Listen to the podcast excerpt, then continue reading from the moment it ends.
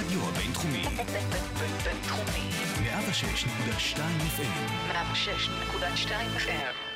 טוב, אז שלום לכולם, ברוכים הבאים לכנס השנתי ה-20 של המכון למדיניות נגד טרור, כאן באוניברסיטת רייכמן, ואיתנו נמצא חבר הכנסת רם בן ברק, אה, יושב ראש, ועד- יושב ראש ועדת חוץ וביטחון, לשעבר סגן ראש המוסד. חבר הכנסת בן ברק, מה שלומך? אה, בסדר, בס- בסדר. אמ, אז הייתי רוצה שנייה להתחיל משהו טיפה יותר אקטואלי. אמ, אנחנו בימים האחרונים אה, רואים שנלכדו ארבעה מתוך אה, ששת האסירים שברחו מכלא גלבוע. אה, ראינו ששוגרו רקטות לאחרונה, גם למועצה האזורית אשכול, גם לשדרות, התפרעויות ביהודה ושומרון. לדעתך אנחנו נמצאים ערב הסלמה עם חמאס?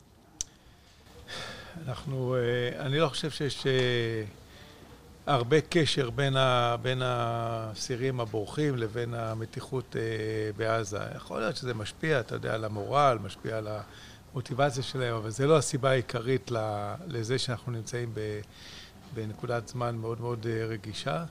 אני חושב שמה שגורם לנקודת זמן הזאת להיות רגישה זה בעיקר ה- האי שביעות הרצון החמאסית מאי העברת הכסף הקטרי בצורה שהם רוצים, אלא זה מתבצע בצורה כרגע שאנחנו רוצים. סביב הדבר הזה נמצאת, אה, יש היום אה, מתיחות אה, מאוד מאוד גדולה. הקטר, החמאס היה רגיל לקבל אה, 30 מיליון דולר במזוודה של מזומן ולעשות בכסף כך, פחות או יותר כרצונו. זה לא המצב כרגע, כרגע עשרה מיליון אה, דולר הולכים בכרטיסים מגנטיים לתושבים, עשרה מיליון דולר הולך ישירות לשיקום, ועשרה מיליון דולר האחרונים שאמורים להיות לפקידים של החמאס, אה, אותם הם רוצים עדיין לקבל במזומן. זה לא קורה בינתיים, אני מקווה שזה לא יקרה, צריך לחשוב על דרך אה, אחרת, וזה הסיבה למתיחות שאנחנו רואים היום בעזה. אז כן, זה יכול להסלים מאוד. זאת אומרת, זה משהו שכבר ראינו בעבר שחמאס מוכן להסלים על הסיפור של הכסף הקטרי. אמ, אתה חושב שזה משהו שבאמת נפיץ אה, בטווח זמן הקרוב? זה יכול אה, לגרום ל- אה, להתפרצות. תראה, אנחנו, זה, אנחנו נמצאים בסוג של מלחמת התשה, שהעלה מי יישבר קודם. החמאס, שעם כל הרצון שלו לקבל את הכסף, גם מבין שהוא צריך לדאוג קצת לאוכלוסייה ולשיקום, כי המצב שם הוא קטסטרופלי. או אנחנו, שאני מקווה שאנחנו לא נשבר, איזשהו סוג של מלחמת התשה, שלהערכתי ייגמר או בזה שהחמאס יבין שיש אה, כללים חדשים, או שיהיה עוד סבב. אפרופו מלחמת התשה, אה, שאלה רגע על חיזבאללה. אנחנו יודעים לכל מיני אירועים עם אה, חיזבאללה, שבהם אנחנו נאלצים לתקוף בלבנון, וחיזבאללה מגיב. אה, אתה חושב שאנחנו ערוכים למלחמה עם חיזבאללה ביום מן הימים, במיוחד שהוא ככה, לפי הדיווחים, מת- מתעצם בטילים מדויקים ומאיים עוד על ישראל?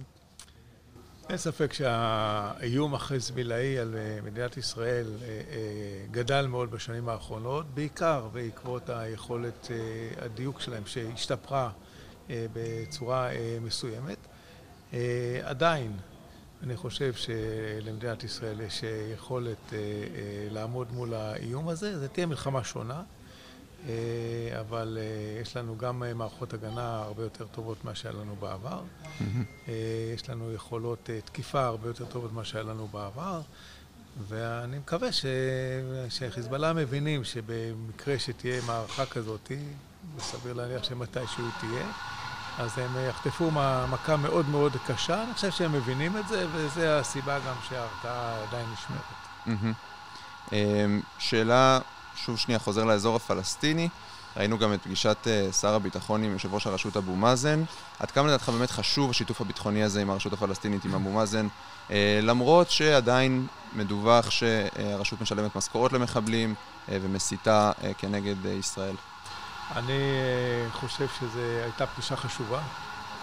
אני חושב שהיכולת שלנו אה, לשמר את התיאום הביטחוני חשובה למדינת ישראל, כמו שהיא חשובה גם לרשות הפלסטינית אגב.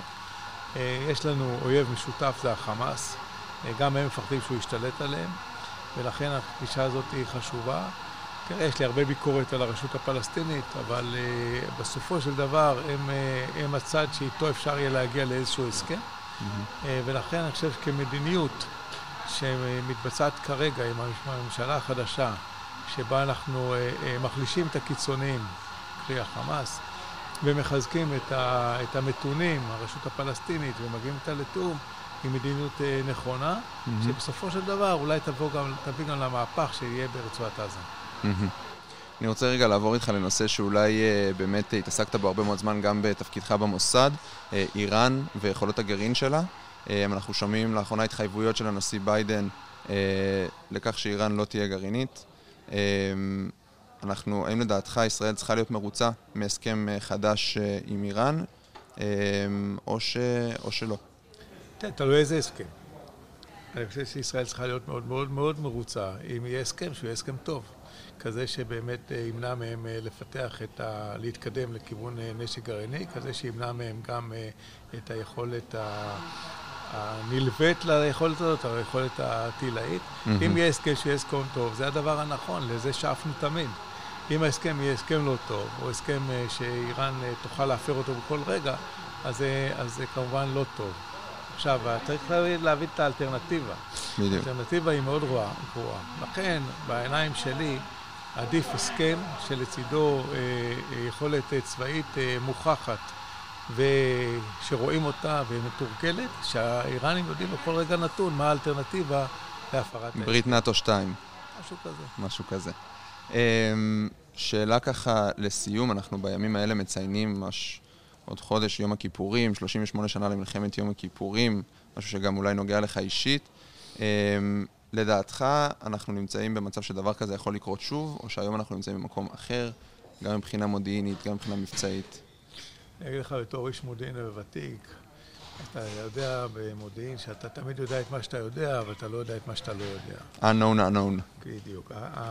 הסיטואציה היום אה, במזרח התיכון היא כזאתי שאין איזושהי מדינה שיכולה להפתיע אותנו במתקפת אה, פתע משולבת כמו שהיה ביום כיפור.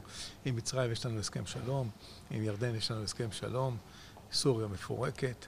אה, חיזבאללה הוא הכוח היחיד שיכול להפתיע אותנו, והוא, עם כל הכבוד שאנחנו רוכשים לחיזבאללה, זה עדיין לא כוח שיכול להווה איום אה, אה, קיומי על מדינת ישראל.